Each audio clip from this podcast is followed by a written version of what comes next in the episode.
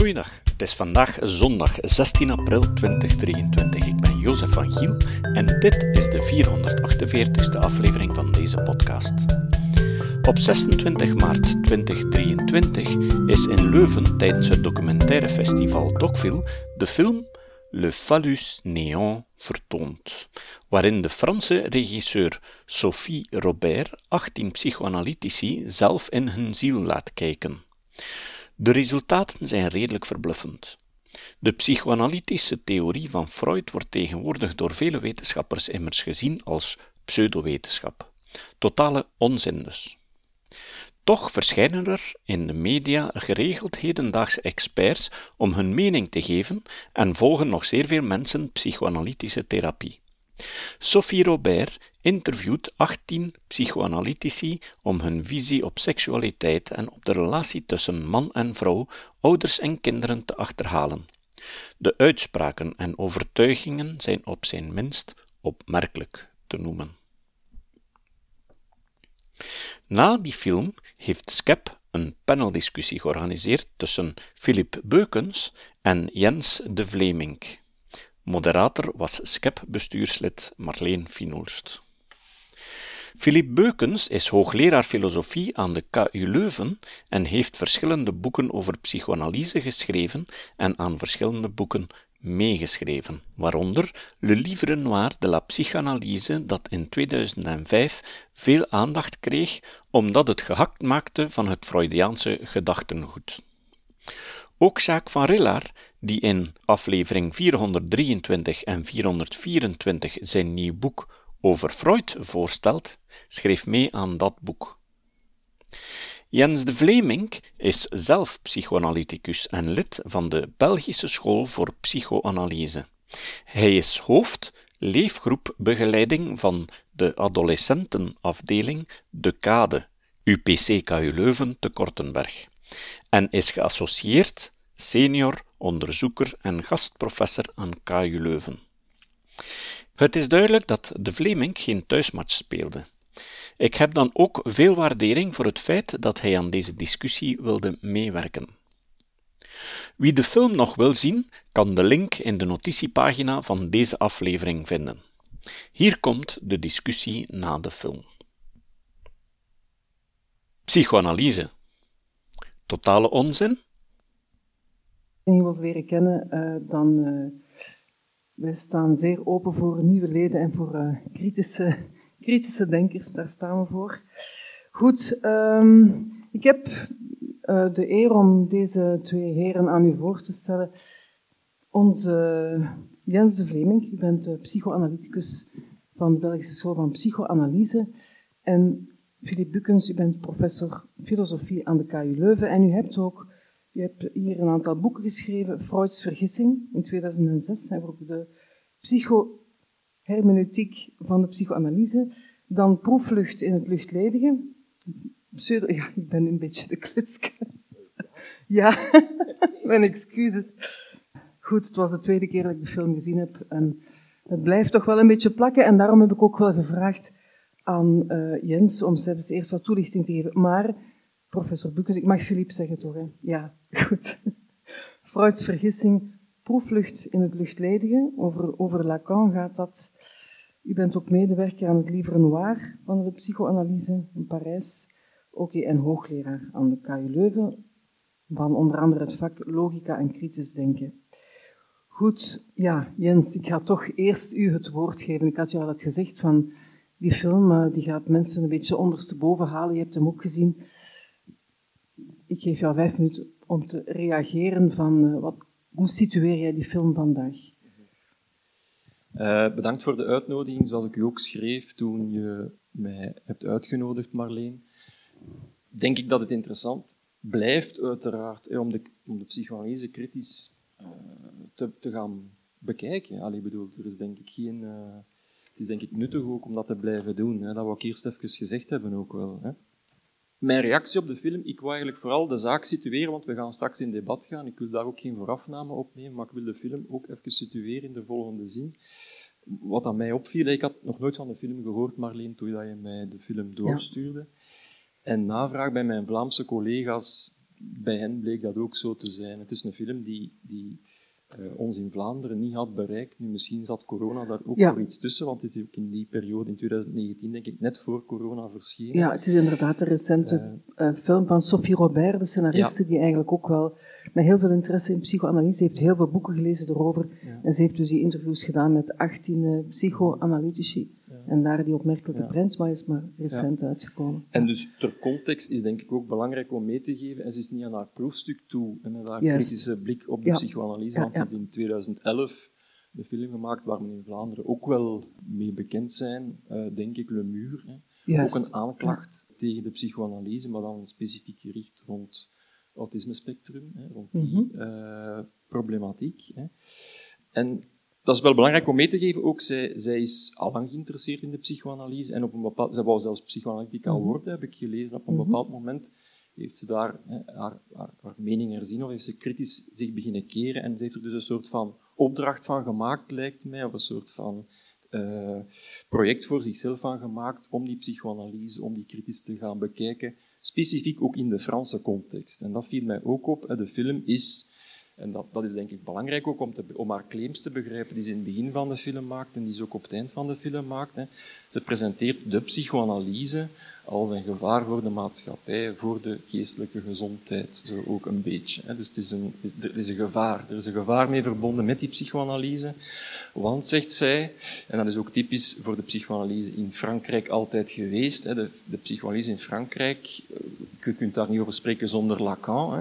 Mhm. En Lacan is denk ik ook een centrale figuur in de film. Hè. Dus alle andere auteurs die vermeld worden, hè, worden eigenlijk bekeken ook, worden bekeken vanuit een soort van Lacaniaanse bril. Hè. Niet alleen Freud, hè, maar ook de andere auteurs waar dat zij naar verwijst, hè, worden bekeken vanuit hè, de verhouding van Lacan tot die auteurs. Ik ga even onderbreken. Weet iedereen wie Lacan is? Jacques Lacan, die de theorie van Freud heropgefrist heeft? Of want we moeten kijken naar het publiek ook, als we iets willen bijbrengen. Ja, jullie kennen Lacan? En Lacan, oké. Ja, goed. is een Franse psychiater mhm. die, die in de jaren dertig uh, een proefschrift gemaakt heeft over, over de psychose. En dat is ook niet onbelangrijk. Lacan is vooral geïnteresseerd geweest in de psychose, hè, eh, in die psychopathologie. En zijn theorie vertrekt daar ook van. Hè. Dus ik vind dat niet onbelangrijk. En dat is ook bij Freud in het werk van Freud. We zullen het daar straks nog over hebben. Om, als Freud bepaalde theoretische punten ontwikkelt, hè, is het belangrijk om te begrijpen, hij noemt dat dan zijn metapsychologie, zijn theorie, zijn metapsychologie, is het belangrijk om te begrijpen vanuit welk klinisch beeld, vanuit welke klinische interesse eigenlijk tot die theorievorming komt. En die dan eigenlijk gaat generaliseren om te spreken over de psychopathologie in het algemeen. Zo is dat ook wat bij Lacan, is niet onbelangrijk. Dus hij begint vanuit de psychose en dat blijft eigenlijk doorheen zijn loopbaan uh, blijft dat een interesseveld dat hem natuurlijk uh, zeer bezighoudt, die psychose. Dat is een belangrijk referentiekader voor Lacan. Hè.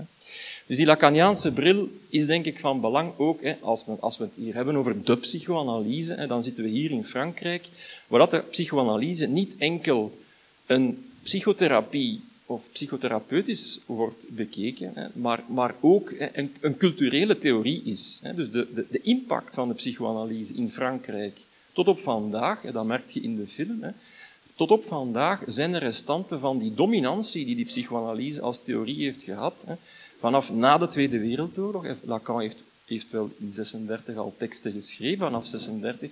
Maar zijn bekendheid begint eigenlijk vanaf de jaar, eind jaren 40. Hè. Mm Begint eigenlijk de echte bekendheid van Lacan in Frankrijk. Hè. En dus die bekendheid overstijgt de louter psychiatrische context. Maar Lacan wordt eigenlijk een, een, een cultfiguur, een beetje in, in, in het Frankrijk, Hè, waar Sartre ook op dat moment hè, bekend staat als een universele intellectueel. Hè. In Frankrijk is er op dat moment een traditie van hè, intellectuelen hebben een mening over alles. Hè. Sartre was ook zo iemand. Sartre werd opgevoerd te pas en te onpas, ook op televisie, mei 68 enzovoort. Het was een intellectueel die een mening had over alles. Hè. Uh, ook Lacan zit eigenlijk in datzelfde vaarwater een beetje. Hè. Dat, is, dat, is, ook belangrijk om te begrijpen van, hè, we hadden het daar juist over, hè, psychoanalytici hebben lange tijd in Frankrijk, samen met andere auteurs, hè, romanschrijvers enzovoort, er is daar een, een, cultuur in Frankrijk waar dat intellectuelen ook breed worden opgevoerd in programma's allerhande. En waar onder andere aan psychoanalytici hun mening wordt gevraagd over allerhande maatschappelijke fenomenen. Mhm. En ik denk dat ze daar, en als je dat vanuit onze bril bekijkt, vanuit onze bril vandaag, hè, ik denk dat ze daar, en zeker met het aplomb, waar je ook iets in de film van ziet, hè, het aplomb, waar ze bepaalde interpretaties maken over dingen die eigenlijk hun vakgebied als psychiater of als psycholoog, psychotherapeut overschrijden, ja, dat is iets dat, dat, dat typisch is, denk ik, aan die Franse traditie, vind ik een beetje. En je ziet daar ook uitwassen van bij ons. We zullen het daar on... Ik zie Filip al lachen, dus we zullen het daar zeker vandaag ook nog over hebben onmiddellijk. Hè. Maar dat is iets wat dus in die Franse stijl vind ik Ja, ook. ja. Wat ik het zelf... En dat Ja. is dan... Ik, Mhm. ik heb het daar zelf ook niet zo Ja, voor. dat, dat begrijp ik. Nu, maar de, wat Freud, allee, de, wat we zo toch wel wat zien als draad in de film is zo... En wat bijzonder eh, stoort, vind ik, is de, de vrouw als gemankeerde man. Hè, die, dat vind ik zo een... eh, dat is toch eh, geen Franse... Dat komt toch van, van Freud zelf. Goh, de vrouw als ge- ge- gemankeerde man. Hè, dus Ik voel me geen gemankeerde man, denk ik. Nee, maar je moet, je moet ook, ook, ook dan moet je weer in de context eh, gaan begrijpen. Hè, dus je, je ziet ook, hè, we, zi- we, zitten, we zitten vandaag in 2023, er is vandaag, zoals je weet, heel wat te doen rond het non-binaire denken. We zitten hier, zeker met Freud, we zitten hier in het begin van de 20e eeuw. Met Lacan zitten we in de periode van de jaren 40, 50. Hè. Dus ik versta perfect, hè, als je dat niet in die, in die context plaatst van die Freudiaanse theorie, hè, dat, dat, dat, vandaag denken wij, maar dat, Ja. dat, slaat nergens op. Hè. Nu, in de film komt dat ook naar voren, op een bepaald punt. Hè. Natuurlijk is het zo dat die Freudiaanse theorievorming, dat die eigenlijk, en, en daar staat hij niet alleen in, in die periode, hè, als hij het heeft over de mens, hè, dan, gaat, dan neemt eigenlijk de man als prototypisch om te spreken over de mens in zijn, in zijn algemeenheid. Dus Het, het, het masculine vormt eigenlijk hè, de, de inzet of de, of de aanzet van, zijn theoretische ontwikkeling. Hè. Dus, dus het is een, wat, wat andere denkers ook zeggen, hè, het is, het een, eh, eh, de man staat, is, het, is het model eigenlijk. En de vrouw wordt dan gedacht, hè, in de referentie naar het mannelijke wordt het vrouwelijke gedacht, hè, in, in het binaire. Hè. Nu, Freud staat daar ook niet, niet in alleen, en je ziet dat ook, ook in de filosofie, hè, eh, in, in, in, in, andere disciplines uit die periode en ook ervoor. Hè. Als we daar met, met een bril van vandaag naar kijken, dan verstaan we dat niet. Hè, terwijl dat, dat vroeger, in die periode, was dat eigenlijk bijna een evidentie. Hè, dat, dat, dat het mannelijke het model was om te spreken over de mens in zijn algemeenheid. Hè. Maar als we daaraan voorbij zijn, hoe, wat blijft er dan over van die Freudiaanse gedachten in de huidige psychoanalyse? En dan geef ik daarna u het woord. Van welke Freudiaanse gedachte? Van het feit dat de vrouw eigenlijk Ja. wordt gedacht. Hè. De, wat we in, in de film gezien hebben, het Oedipuscomplex, castratie, angst, al die concepten, wat blijft daarvan overeind vandaag in de, in de Wel, wat, ik, wat ik psycho- zie vandaag, vandaag in de psychoanalyse, en dat is ook, ook relevant hè, in de context van de film, en daaraan zie je hoe dat Lacan dus voor allerhande dingen wordt ingezet. Hè. Dus je kunt Lacan perfect lezen vanuit dat heel klassiek kader. Hè. Man, vrouw, het binaire klassieke denken. Hè. De vrouw is onderdanig aan de man enzovoort. Hè. Iets wat dat in de jaren 50 in Vlaanderen ook de normaliteit was, om het zo te denken. Hè. Dat soort van... En, en, en dat komt uit dezelfde tijdsgeest. Hè. Wat dat we nu zien ook in Frankrijk, is dat Lacan net voor totaal andere dingen wordt ingezet. Dat is ook interessant om te zien, daar, daar wordt niks over gezegd in de film. Hè.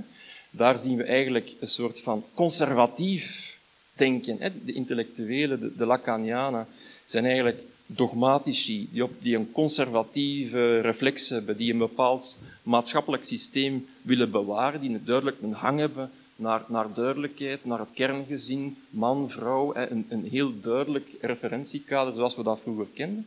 Vandaag de dag, anno 2023, ik nodig u uit om eens te kijken in de literatuur hè, over LGBTQ, queer denken. Daar is het bij uitstek Lacan, die wordt ingezet om precies het binaire denken te gaan ondermijnen.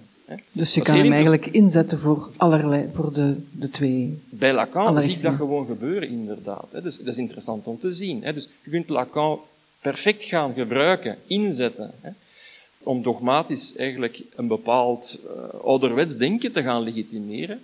Maar tegelijkertijd vinden blijkbaar Lacanianen ook in het Lacaniaanse gedachtegoed argumenten en eh, hypotheses hè, die precies eh, het mogelijk maken om dat binair denken onderuit te halen Ja. en om queer hè, Ja. te gaan denken met betrekking tot man-vrouw. Het is, het is wat ik ook wel voel in de film, ik kan er eigenlijk alles mee uitleggen. Zowel de ene kant als de andere.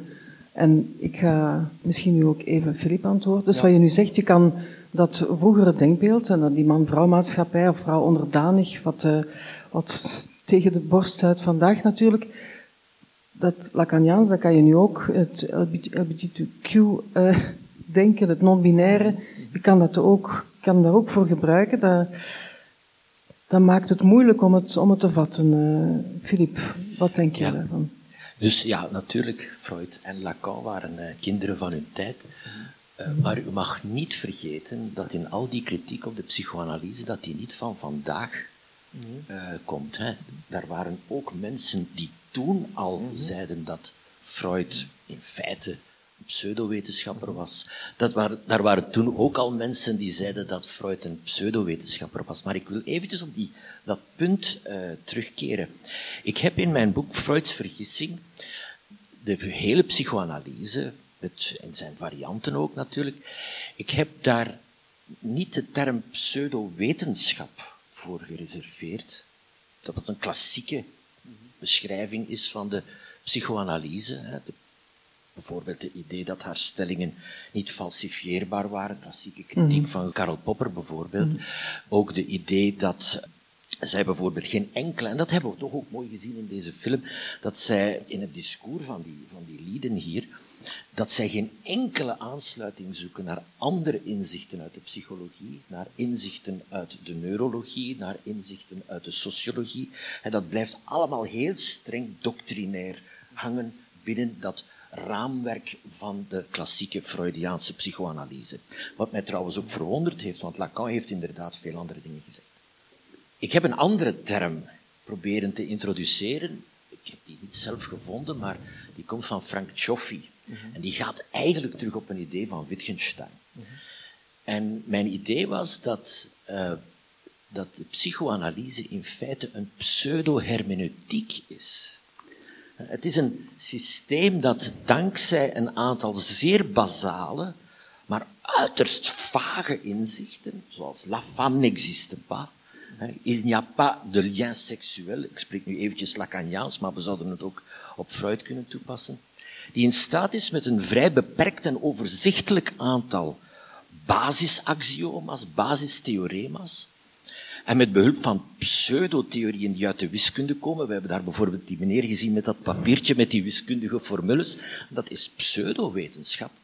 Maar op basis daarvan in staat zijn om alles te begrijpen. Dat is een fantastische gave die u heeft. Als psychoanalyticus bent u in staat alles te begrijpen. Vandaar het succes van de psychoanalyse. Hè.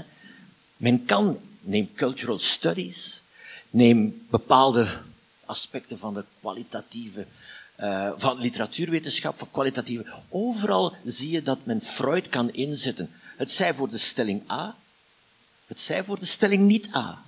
Dat is het voorbeeld van wat u zelf gegeven heeft van enerzijds het klassieke conservatieve denken, waar ik absoluut mee eens ben. Lacan was een, in hart een conservatief. Hè. Hij was zelfs, ja, of dat hij nog katholiek was, dat weet ik nu niet precies, maar hij was zeker van katholieke afkomst. Hij verdedigde, hij was le père sévère, dat is nog een andere woordspeling hè, tegen de studenten. Je serai votre père sévère. Hè. Dat zei hij tegen de studenten van mei 68. Hij stemde op de goal toe.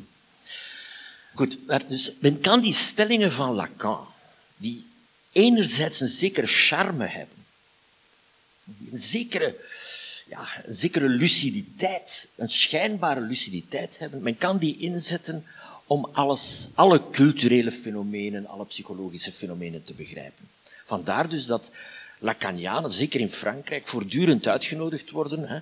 Maar dat zit eigenlijk al in de psychoanalyse zelf en dat gaat terug tot Freud. Freud was in staat om alle culturele fenomenen te begrijpen en heeft die ook uiteindelijk proberen te begrijpen.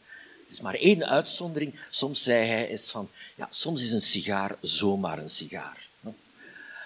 Maar dat is een beetje het probleem met de psychoanalyse. Ze heeft heel vage concepten die je naar believen kunnen invullen. Ik herinner mij een boek van de betreurde Philip van Houten en uh, Paul Verhagen, waarin ze het Oedipuscomplex bespreken. En het eerste wat ze zeggen in hun inleiding, eigenlijk zegt hij, weet niemand meer wat het Oedipuscomplex is. Misschien kunnen we het vragen. Ja, misschien kunnen we het aan, aan, aan Jens vragen. Wat ja, het is. het Oedipuscomplex, Jens. Eerst een reactie op, eh, inderdaad, eh, dus daar heb ik dus wel een moeite mee, hè, met, met het gegeven van eh, dat de, psycho de psychoanalyse als al bestaat, hè, want, ze, want ze bestaat denk ik niet, het is een heel heterogeen veld. We zijn nu vooral over Lacan bezig, voor alle duidelijkheid. Ja, er zijn meerdere strekkingen. Dus, dus er is een grote ja. tendens, inderdaad, in dat Lacanisme om daar een soort van grand unifying theory van te maken, die ze niet is, denk ik. Hè. En eh, dus er zijn twee zaken die we moeten uit elkaar halen, en dat is misschien ook voor straks interessant. Je hebt de psychoanalyse als een theorie, eigenlijk een soort van antropologie. Hè? Namelijk, ze, ze stelt zich de vraag van naar wat de mens is. Dat is eigenlijk, denk ik, de theorie van de psychoanalyse. Hè? En je hebt de theorie als, eh, je hebt de psychoanalyse beter als de, de, de, de therapie. Hè? Dus je hebt ook de therapie, Ja. de, de toepassing van de psychoanalyse in de psychotherapeutische praktijk. Hè? En ik ben het niet volledig eens met wat dat je zegt over Freud. Hè. Ik, ik zal uitleggen waarom. Hè. Freud heeft eigenlijk, de psychoanalyse is ontstaan naar aanleiding van de behandeling, zo gewild, van de hysterie. Hè. Dus zo is ze begonnen. En hij heeft dan na verloop van tijd en eigenlijk heel snel gezegd van er zijn absolute grenzen aan de mogelijkheden van de psychoanalyse. Hè. De mogelijkheden van de psychoanalyse zijnde, ik ga mij concentreren op, en ze limiteert zich tot de psychoneurosen ook. Hè.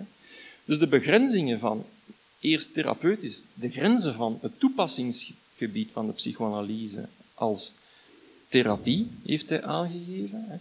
Het was oorspronkelijk beperkt, zeg je, tot, wat, tot neurosen, tot, Tot de eh, psychoneurosen, heel beperkt zelfs tot Ja. de psychoneurosen. En om een voorbeeld te geven, Freud heeft nooit op een adequate manier zich kunnen uiteenzetten met de psychose. De psychose, men kende dat al, psychose, wat dat psychose was.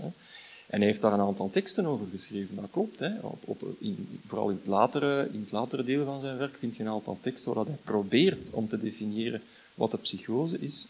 Maar hij heeft zelf ook in brieven aan, aan, aan, anderen, hè, aan, een, aan een Hongaarse psychoanalytici bijvoorbeeld, geschreven van de psychose, dat valt eigenlijk buiten de mogelijkheden van de psychoanalyse. Lacan heeft dan, en anderen, post-Freud, hebben dat wel gedaan. Hè.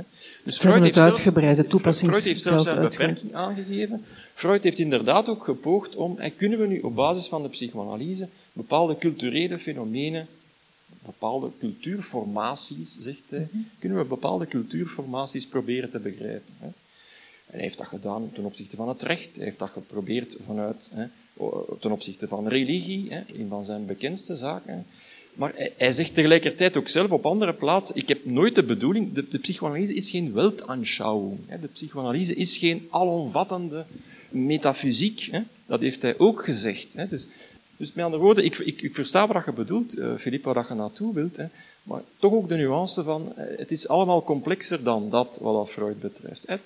Terzelfde tijd ben ik volledig akkoord met, als Lacanianen met die en aplomb hè, allerlei eh, stellingen gaan verkondigen, en eigenlijk à Zizek ook, hè, de psychoanalyse, de Lacaniaanse psychoanalyse gaan gebruiken, hè, als een soort van passepartout om alles te gaan begrijpen, daar heb ik ook problemen mee. Hè, want dan, eh, dan denk ik, schoenmaker blijft bij u leest. Hè. De psychoanalyse is een psychotherapie, is een speciale vorm van psychotherapie ook. Hè.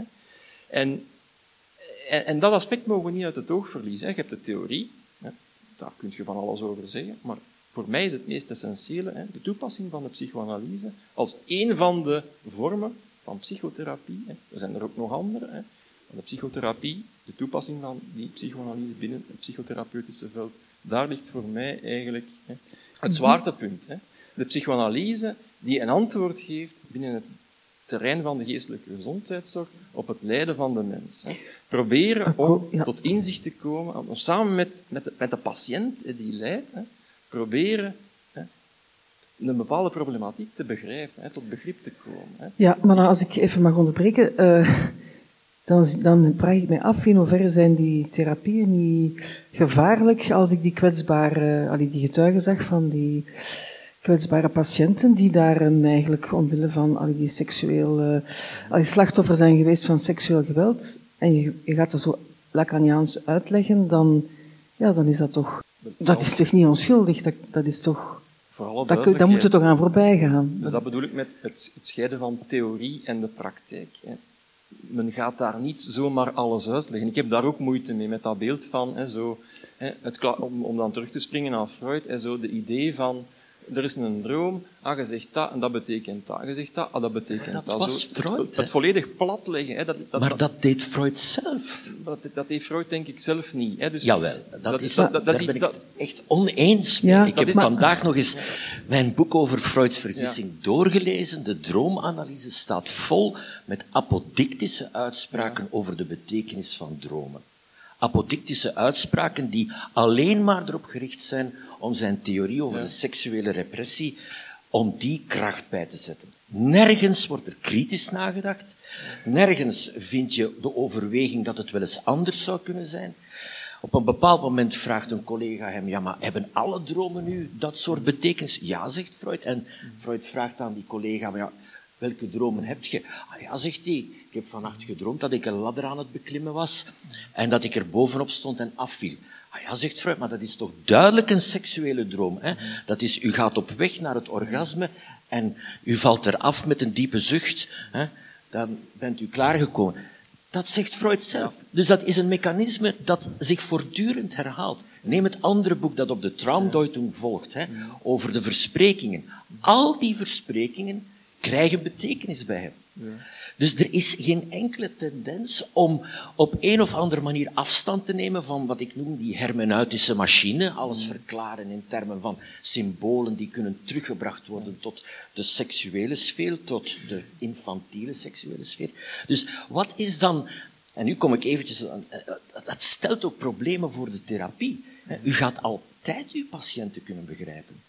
Ja, maar zo, zo, zo is het niet, hè, Filip. Allee, dat, is een, dat is een soort van karikatuur. En ik, ik geef toe, Freud heeft, daar, heeft, daar, heeft dat zelf mee in de kaart gespeeld. Hè. Ja. En is natuurlijk iets dat men nadien in de secundaire literatuur, en dat ook Freudianen zelf inderdaad zo simplistisch zijn beginnen toepassen. Hè. Wat we Maar dat is gezien hebben met dat de is- dat is denk ik 18 niet de eh, psychoanalyse. Dus dat is, niet dat, is, dat is, als je het mij vraagt, niet psychoanalytisch eigenlijk. In, in, Je vindt in het overal zin. bij Freud. Ja, ja je is- vindt het overal bij Freud in, in, een bepaalde, in, een, in een bepaalde presentatie van Freud en in een bepaalde karikaturen nadien hè, in de Verenigde Staten. Hè, want da- daar nog eens bij aansluitend, hè, dus ook, ook, ook de geschiedenis van de psychoanalyse is wel interessant om te bekijken. Hè. Absoluut interessant. En Lacan reageert eigenlijk al op wat dat hij zegt, hè, een soort van uitwas van de psychoanalyse die in de, in de Verenigde Staten is ontstaan. Hè.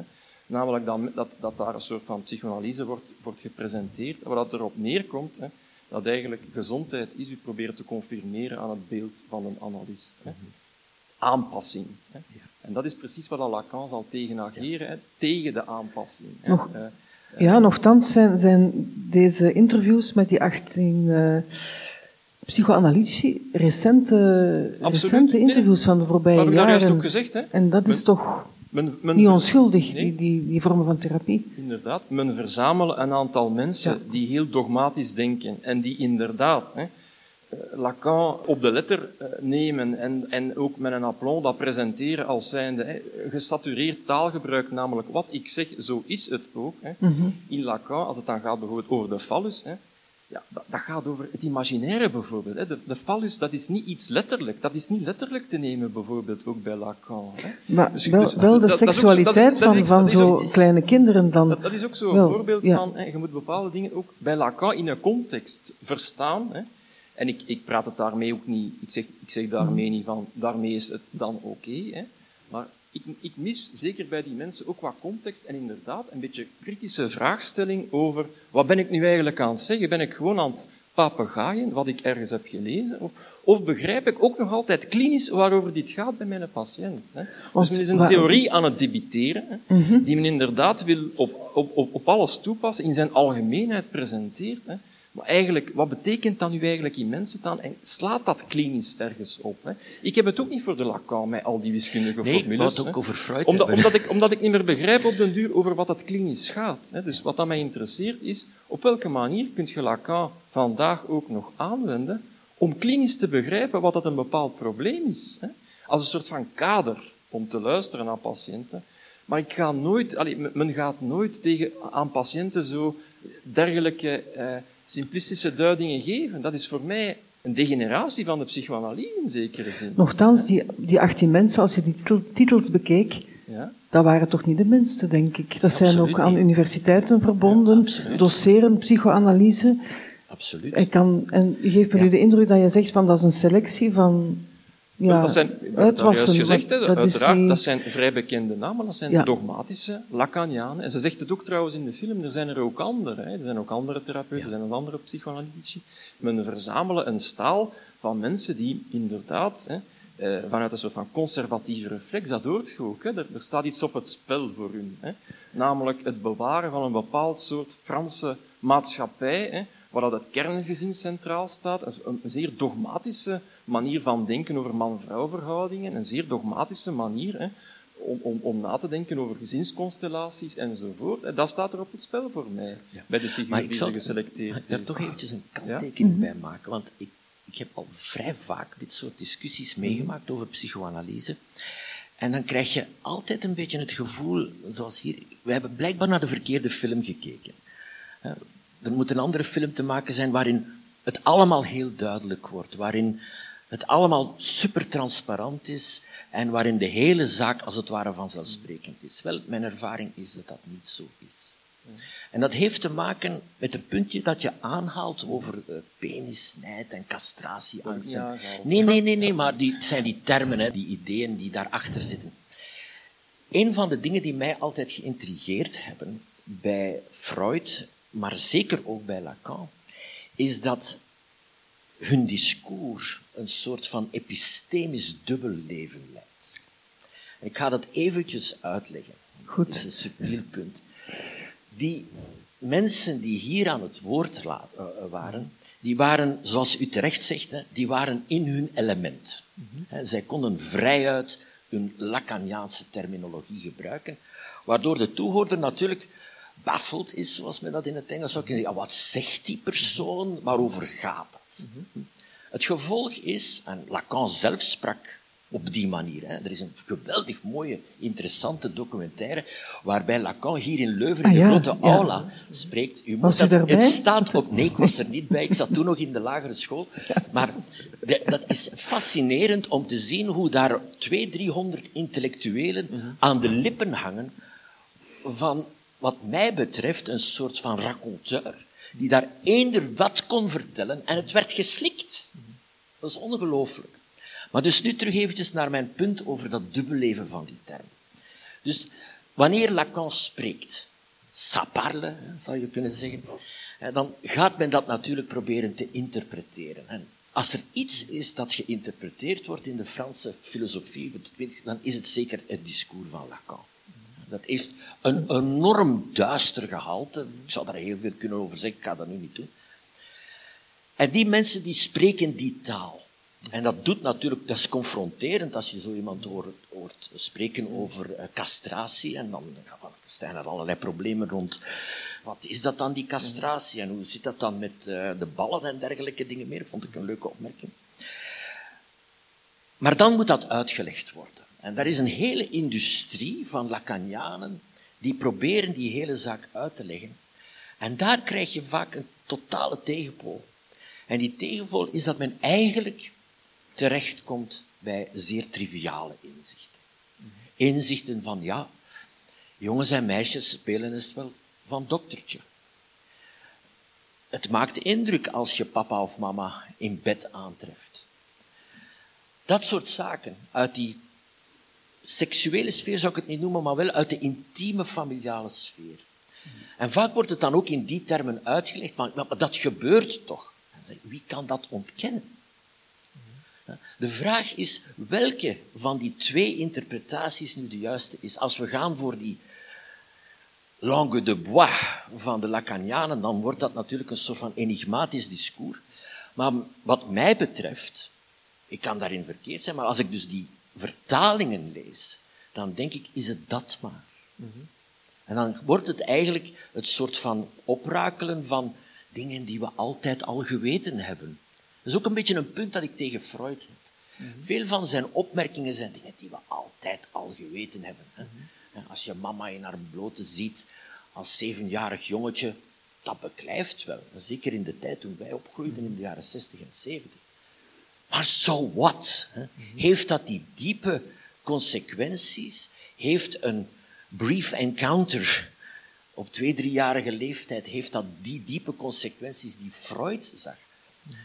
En dan kom ik op het probleem van de therapie, maar daar wil ik straks iets Ja, over zeggen. vertel eens eerst Jens, de psychoanalyse zoals jij ze ziet en wat ik ook lees op de website van de Belgische School voor Psychoanalyse, kom ik eigenlijk die, die terminologie ook veel, veel minder tegen dan wat ik in de film gezien heb. Ik zie meer, het gaat over een eh, persoonlijkheidsontwikkeling en, en andere...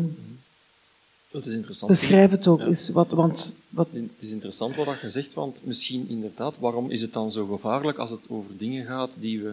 Ik- denk dat er het inderdaad dikwijls over vrij simpele dingen gaat. Als je wat logisch nadenkt en als je een beetje levenservaring hebt, hè, ehm, die je in de normaliteit ook tegenkomt, maar die in bepaalde pathologische contexten en situaties... maar ze worden wel geseksuali- geseksualiseerd leiden, natuurlijk hier. hè. Zeg je? Ze worden geseksualiseerd hier, terwijl dat dat...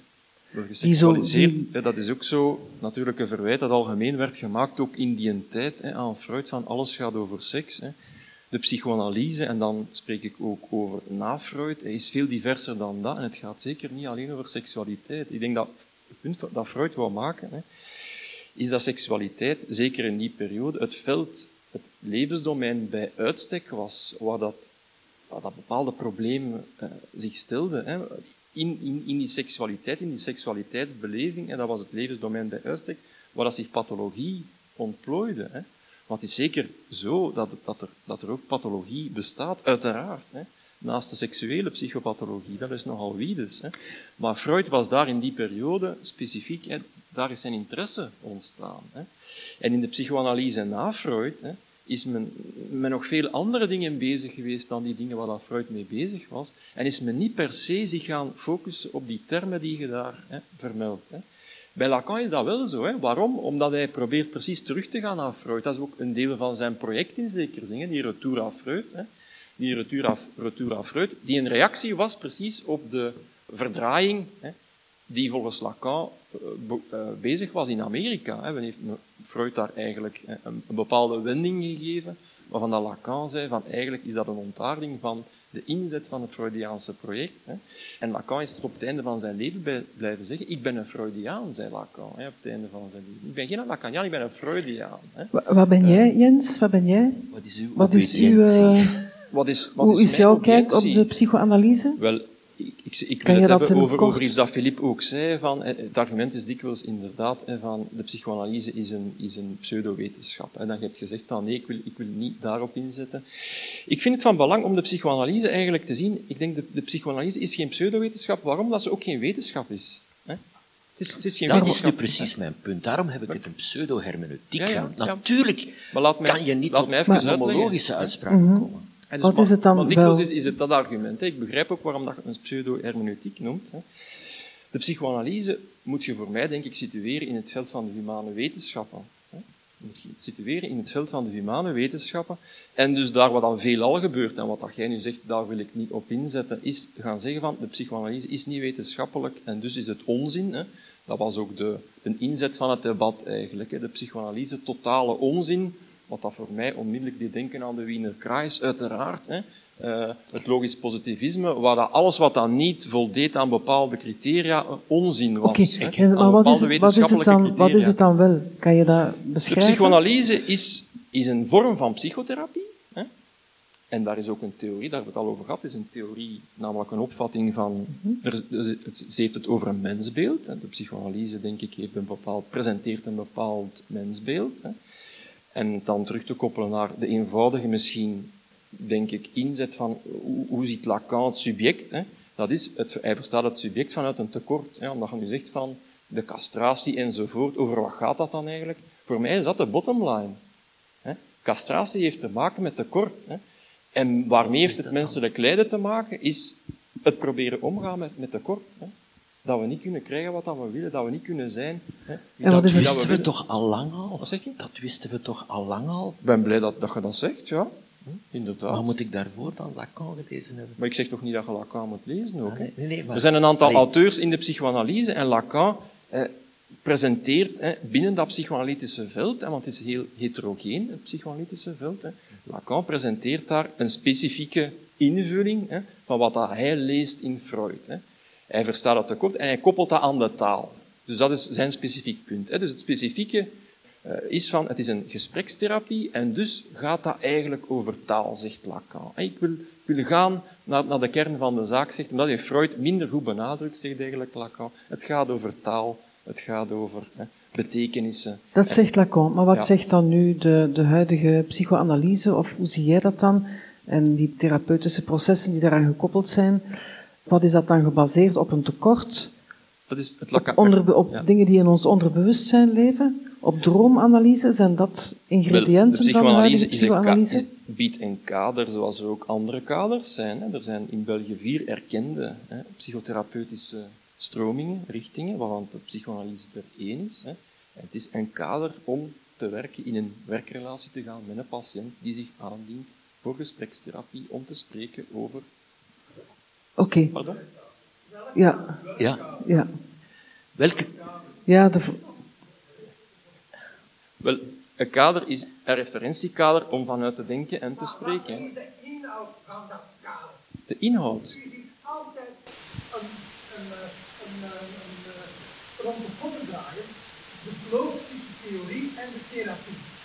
Het is Ja. niet duidelijk op wat die therapie gebaseerd is. Wat is de achterliggende theorie?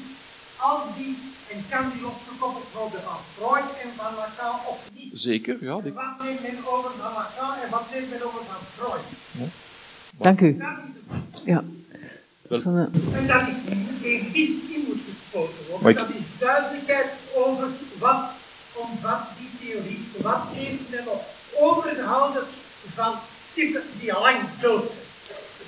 Wel, wat heeft men overgehouden? Hè, dus Freud en Lacan zijn mensen die aan het begin Je ziet altijd maar te praten over mensen die dood zijn. Het gaat erover wat de huidige praktijk is en wat de huidige theorie is waarop men zich op baseert. Op elke vraag stelt u een nieuwe vraag. Die antwoord is, wat is het kader? De antwoord kan daarop. Wel, Dat is, dat is een werkkader. Dat is een kader... Dat. Maar we gaan, we gaan rustig blijven, maar eh, ja, we proberen, wat, is er, wat blijft er over van eh, het Freudiaanse, het Lacaniaanse in de huidige psychoanalyse in België vandaag?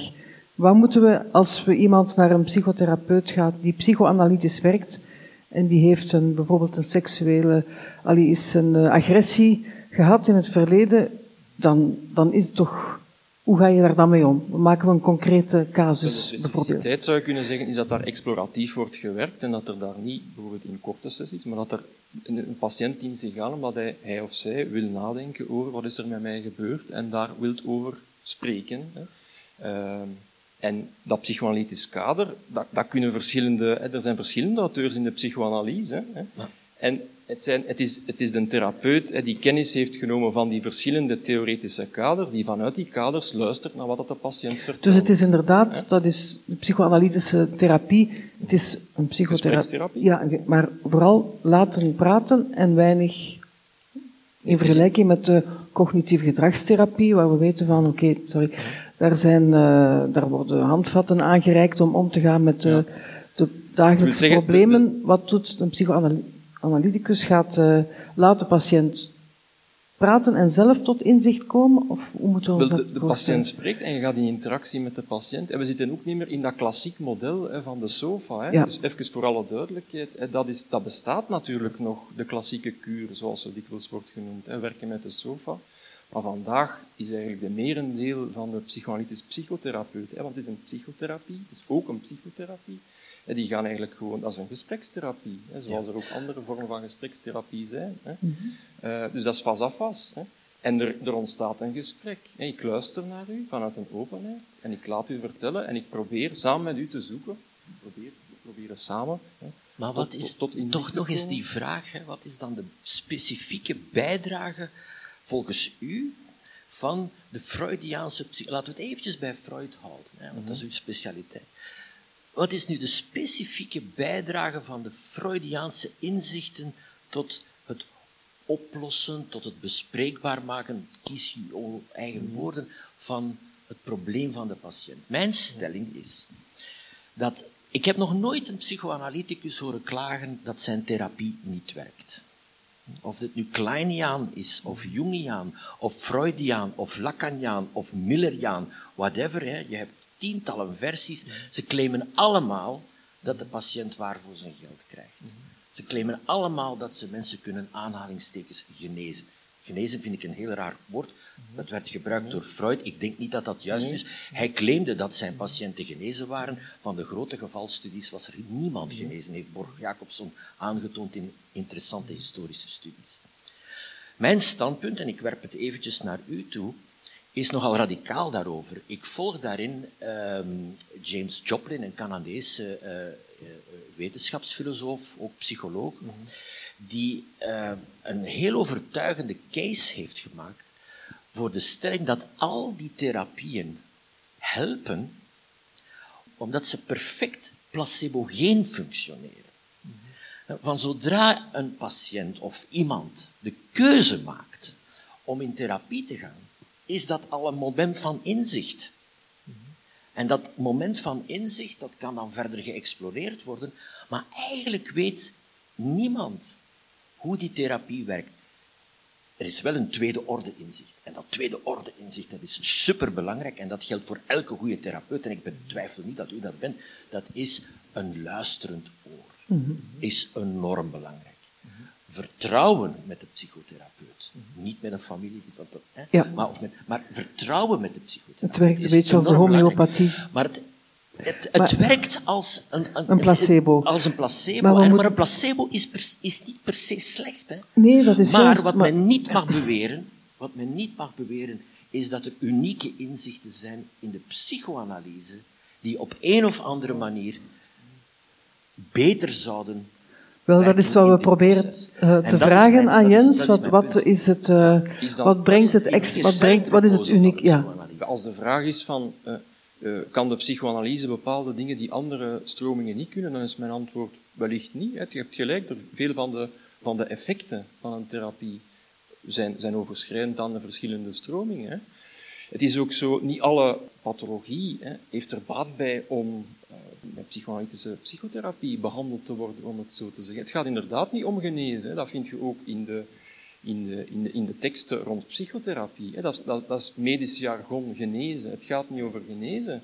Het gaat, hè, is misschien, het gaat over verminderen van lijden en het gaat om opnieuw een En manier wat, wat soort problematieken kan komt bijvoorbeeld in aanmerking voor een psychoanalytische aanpak en welke niet, bijvoorbeeld?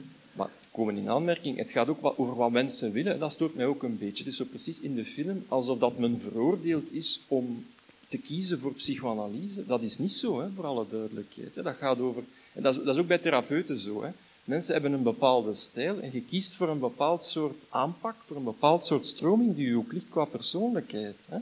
En hetzelfde geldt voor mensen die eh, kiezen voor psychotherapie. Hè. Men weet ook wel dat eh, therapeut X of Y dat die hè, geschoold is in de psychoanalytische psychotherapie of eerder client-centered werkt. Hè. Dus mensen die de vraag stellen hè, naar een therapie, hè, dat is ook niet vanuit een verplichting. Hè, dat zijn mensen die vrijwillig hè, een verlangen hebben om in psychotherapie te gaan en vrijwillig ook kiezen, bijvoorbeeld om exploratief te werken vanuit de psychoanalytisch. vanuit Maar, maar wat, kan, wat kan een eh, cliënt zich voorstellen bij, als ik een keuze maakt van ik, ik kies voor de, een psychoanalytische aanpak?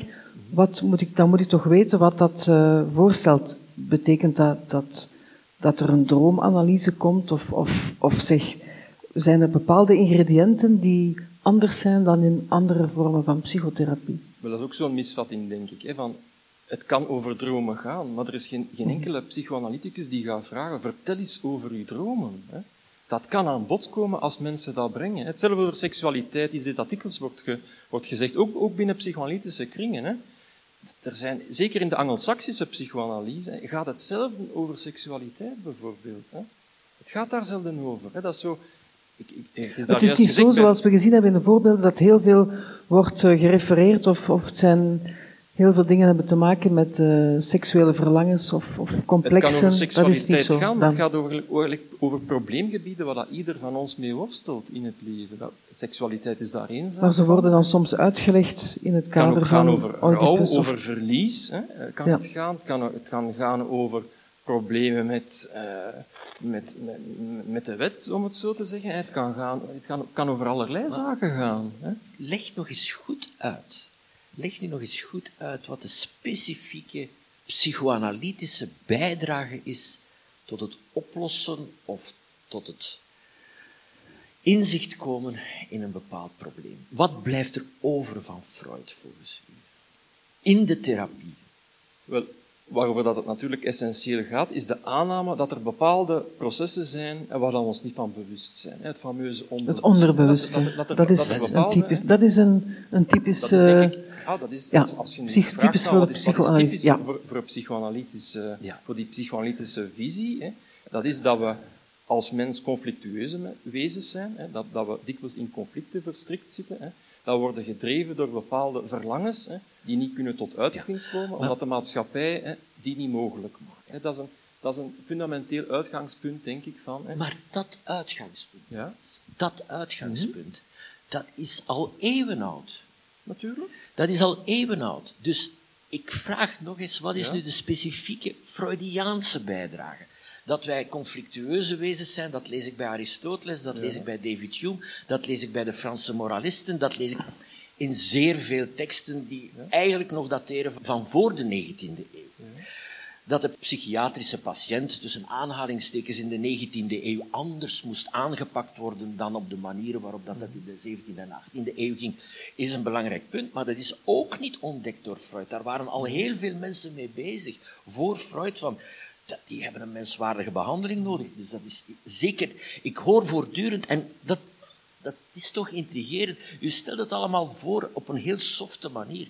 Maar als je echt gaat kijken naar de manier waarop psychoanalytici hun zaken presenteren aan andere psychoanalytici, dan zie je dat je veel radicalere stellingen krijgt. Dan zie je bijvoorbeeld dat Freud de eerste was om dat en dat te doen. Dat, enzovoort, enzovoort. En wat ik intrigerend vond aan mijn studie van de geschiedenis van de psychoanalyse als cultuurfenomeen, als cultuurfenomeen, want het is een belangrijk cultuurfenomeen, dat is dat Freud daar eigenlijk zeer veel claims maakt. En dat Freudianen zeer veel claims maken die absoluut niet vol te houden zijn in het licht van de feiten, Freuds feitelijke biografie, in het licht van de geschiedenis van de patiënten. Ik heb het al eventjes uh, uh, aange, aangemeld. En ook in het licht van ja, de, de therapeutische validiteit van de hele zaak. Dus daar zit een enorme discrepantie tussen de official history ja, en de soft version die je krijgt in, in discussies. Hoe verklaar je die discrepantie? Maar ik ben, er volledig mee, ik ben het er volledig mee eens dat er bij Freud veel dingen samen worden gedacht die al bestonden. Hè. Ook over dromen is er, is er tevoren al Maar waarom moet dan die originaliteit geclaimd worden? Waarom moeten daar die heel straffe claims gemaakt worden? Of, over, of waarom, waarom zegt Freud dat hij gelijk moet gesteld worden met Copernicus en, en Darwin?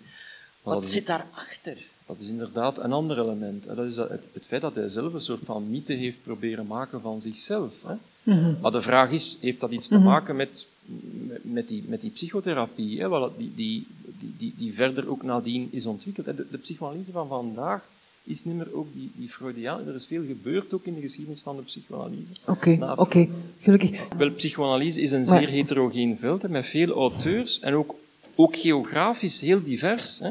Dus de psychoanalyse als één grote grand unifying theory, die bestaat niet. Hè. Oké, ja. Ik heb dat zeker nooit. Nee, nee, maar omdat er wordt gezegd van de psychoanalyse, die bestaat inderdaad niet, de psychoanalyse. Ik wil toch eventjes iets zeggen over wat u in het begin gezegd hebt. Ja, dat, wat, wat, wat u zegt van, ja, dankzij Freud begrijpen we de cultuur. Daar ben ik het volstrekt oneens mee. Freud verhindert het goede begrip van cultuur van de mens door mythologisering, door schablonen te gebruiken die op alles van toepassing zijn.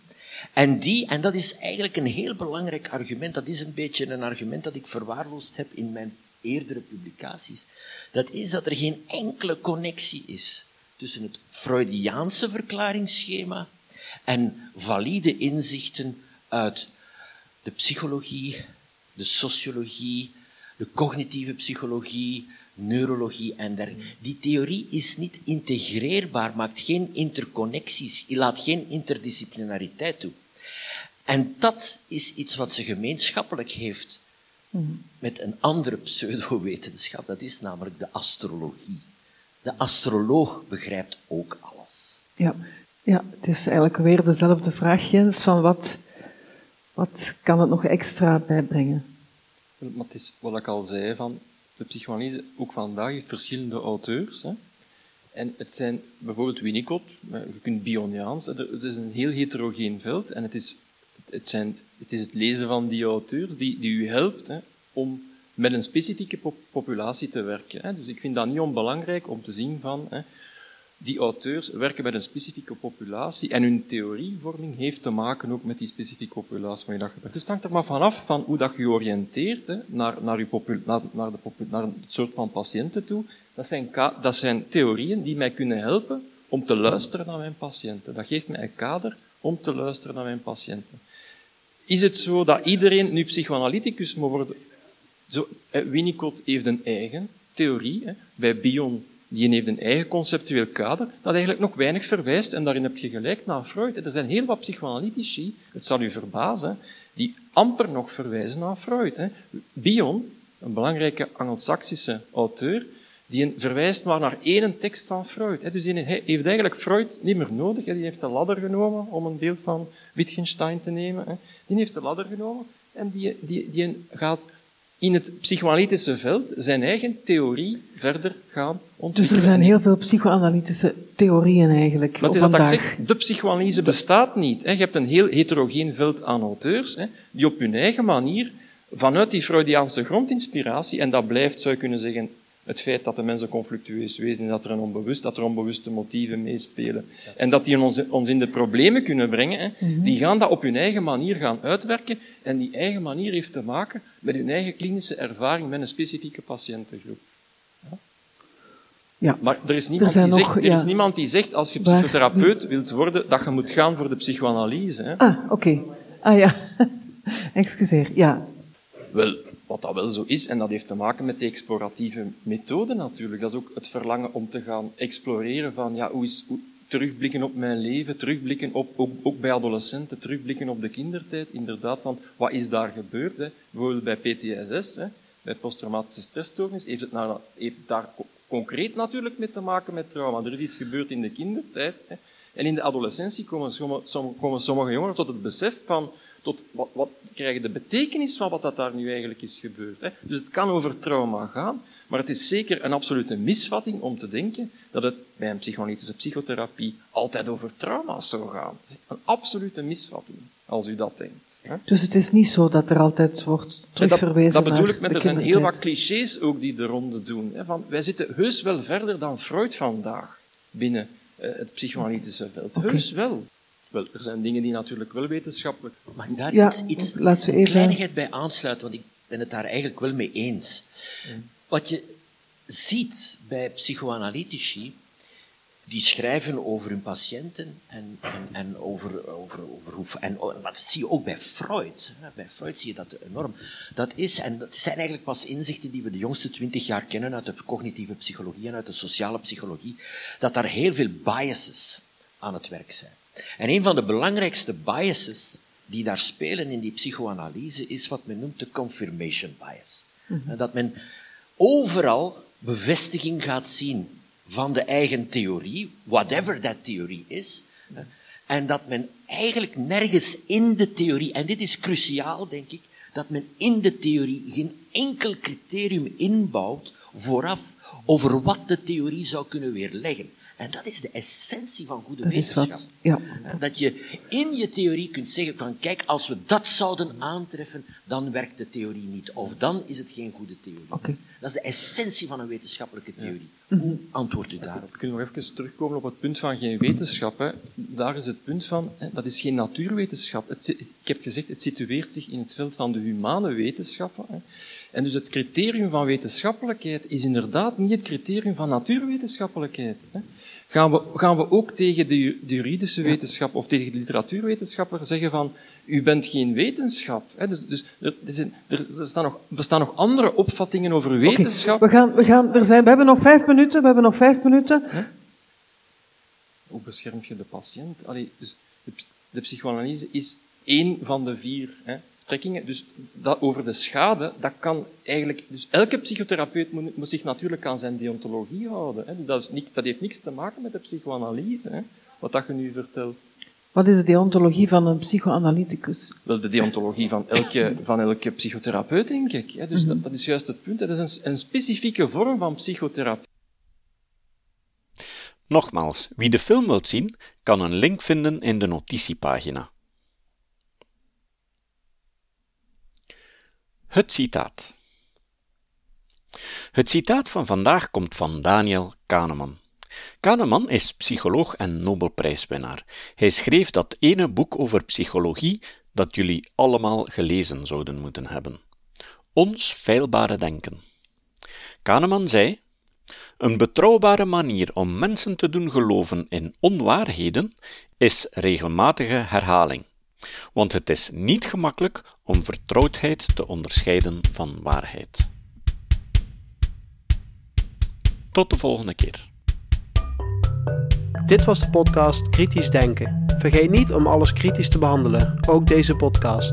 Voor verdere informatie over deze podcast, links en voor de tekst, surf naar www.kritischdenken.info. Als je deze podcast belangrijk vindt, kun je me steunen door anderen warm te maken ook eens te luisteren. Stuur een e-mail naar vrienden met een link naar de website en plaats de link in de handtekening van je e-mails. Tevens kun je op iTunes deze podcast een beoordeling geven of een recensie schrijven. Of je kan op je eigen website of blog een link naar kritisch denken plaatsen.